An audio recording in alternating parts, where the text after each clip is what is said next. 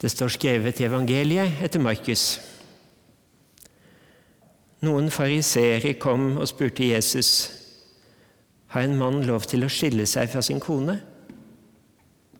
De ville sette ham på prøve. Hva har Moses påbudt dere? sa han. De svarte, Moses har tillatt mannen å skrive skilsmissebrev og sende henne fra seg. Da sa han til dem, fordi dere har så harde hjerter, har Moses gitt dere dette budet. Men fra begynnelsen av, ved skapelsen, skapte Gud dem som mann og kvinne, og derfor skal mannen forlate sin far og mor og holde fast ved sin kvinne, og de to skal være én kropp. Så er det ikke lenger to, de er én kropp. Og det som Gud har sammenføyd, skal mennesker ikke skille. Slik lyder det hellige evangelium.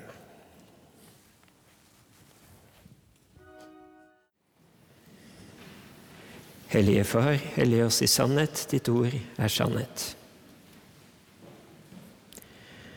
Det å være prest på fest kan være en interessant opplevelse. Noe av det fine med å være prest på fest, sånn utpå kvelden, når folk har fått litt i glasset, det er at en del småbrisene har tilbøyelighet til å ville snakke om Gud. Og Noe av det slitsomme med å være prest på fest sånn utpå kvelden, når folk har fått litt i glasset, er at en del småbrisene har tilbøyelighet til å ville snakke intenst om Gud. Den første gruppen de er det fint å prate med. Det er gjerne folk som har et blygt forhold til sin tro. Typisk norsk, vil noen si. Jeg vet om et par som på hver sin side av dobbeltsenga ba Fader vår hver kveld i 40 år uten at den andre visste noe om det. Og det å være på prest på fest og snakke med en 50-åring som for første gang siden forrige fest snakker om noe annet enn boligrente og elgjakt, ja, faktisk om tro, det kan være en fin ting. I parentes, han kunne saktens ønske at det var naturlig for flere nordmenn å snakke om tro uten å ha tatt seg en dram først.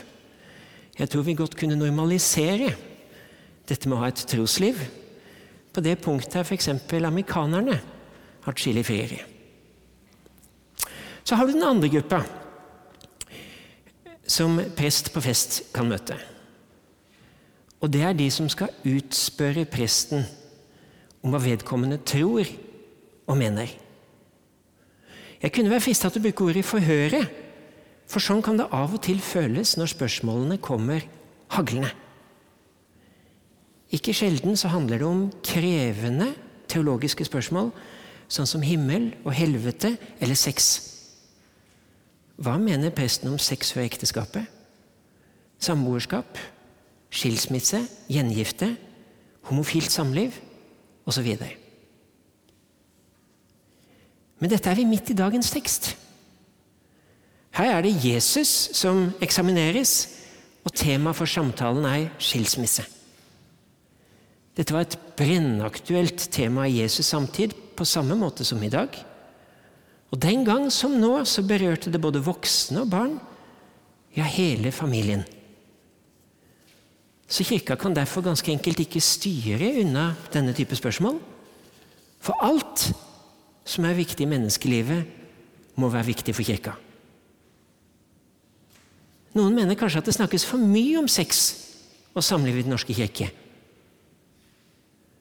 Det er valgt én søndag i året til å ha fokus på, på, dette temaet, og det er faktisk i dag. 20. søndag i treenighetssiden. Og jeg har lurt på følgende Kanskje er det faktisk motsatt, at det snakkes for lite om den slags.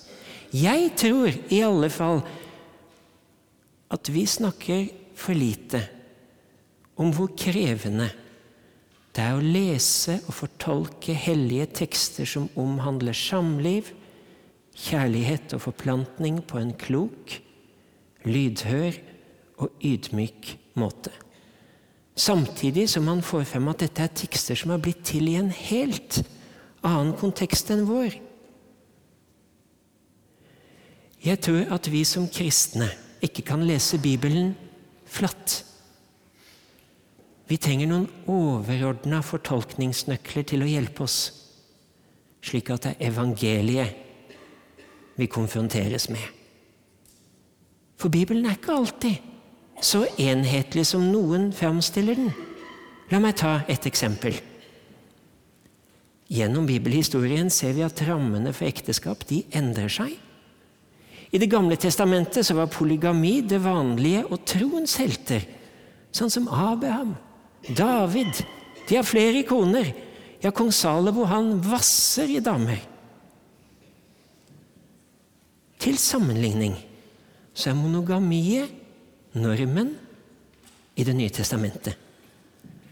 Og jeg tror det er viktig at vi erkjenner at det bibelske materialet selv speiler en bevegelse når det gjelder rammer for samliv. Samtalen mellom Jesus og fariseerne, den vi nå hørte, den finner sted i en kontekst der det bare var mannen som hadde rett til å ta ut skilsmisse. Og det må vi kunne beskrive som en utprega asymmetrisk relasjon, for å bruke et teknisk uttrykk. Ikke ekteskapet sånn vi kjenner det. Og Skilsmisseordningen i Jesus samtid resulterte i at den fraskilte kvinnen ble sittende igjen som en uhyre sårbar part, både sosialt og økonomisk, ja, på alle måter. Det var strukturer som var egnet til å holde nede, til å holde fast. Hva sier så Jesus om skilsmisse? Han svarer fariseerne med et motspørsmål. Og ja, han gir dem rett når fariseerne responderer at Moses har åpnet for skilsmisse på grunn av menneskenes harde hjerter, legger Jesus til. Men, sier han, men det var ikke slik det var tenkt. Ikke fra begynnelsen av. Akkurat det tror jeg stemmer med mange kjærestepars og ektefellers tanker også. Det var ikke bruddet man hadde i tankene da bryllupsklokkene kimte. Det var ikke den andres nei man tenkte på når man sa ja. Og så hender det likevel at livet tar andre veier enn vi ønsker. At mistilliten vokser. At ting går i knas. At separasjonen tas ut. At skilsmissepapirene undertegnes. Kjærligheten kommer ikke lett. Den er stadig under press. Og hvem av oss som sitter her og har levd noen år, hvem av oss kan si at vi ikke har støtt på de harde hjerter hos oss selv, hos andre? Og av og til kan relasjoner bli så ødeleggende at det mest livsfremmende er å bryte ut. Dette betyr ikke at jeg tror at vi som kristne av i dag, som det så kjekt heter, kan avvise budene. Det har vi ikke mandat til. Jeg tror ikke budene er gått ut på dato. Jeg tror budene står der som stabbesteiner langs livsveien for å verne om livet. Og jeg tror de trengs for kaoskreftene rundt oss og i oss. De kan være sterke. I luthersk tradisjon heter det at Gud har gitt budene for at verden skal holde seg på hengslene. Og så er det en annen erkjennelse i samme tradisjon.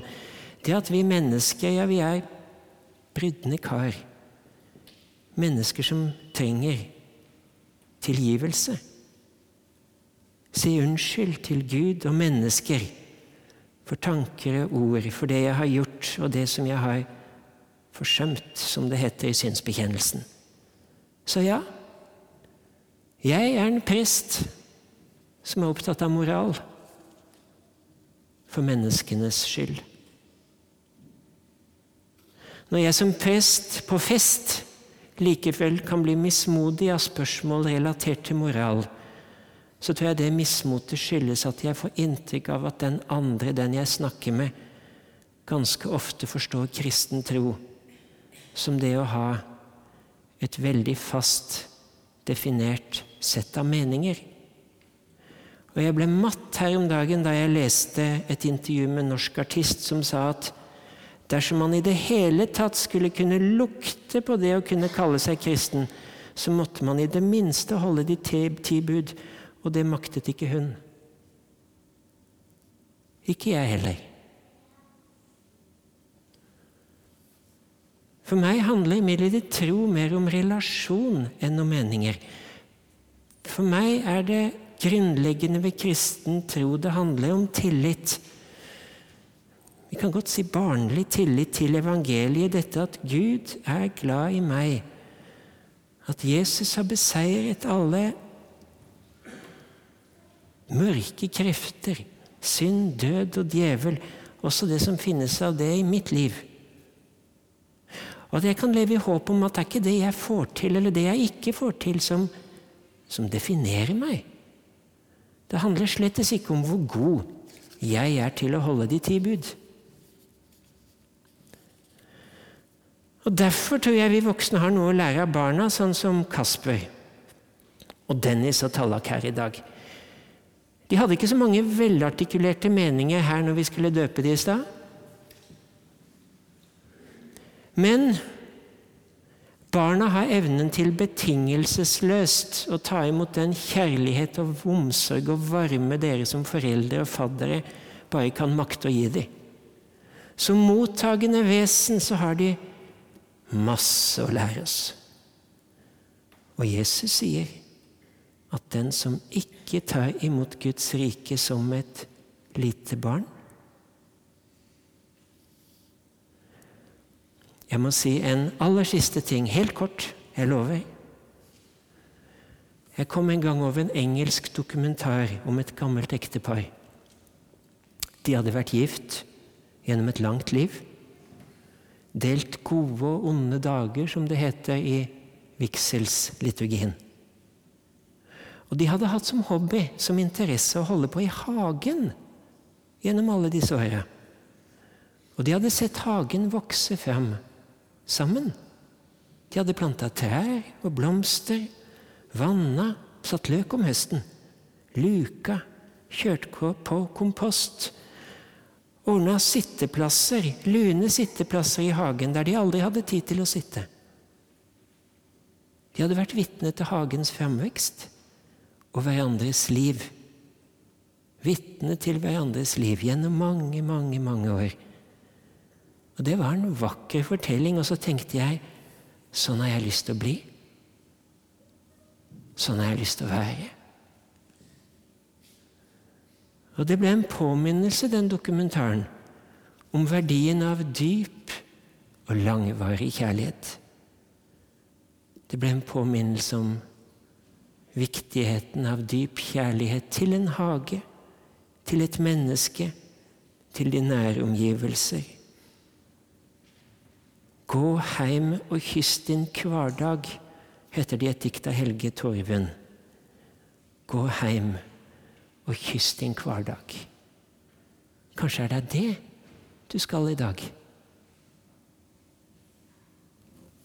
Ære være Faderen og Sønnen og Den hellige ånd, som var og er og være skal, en sann Gud fra evighet og til evighet.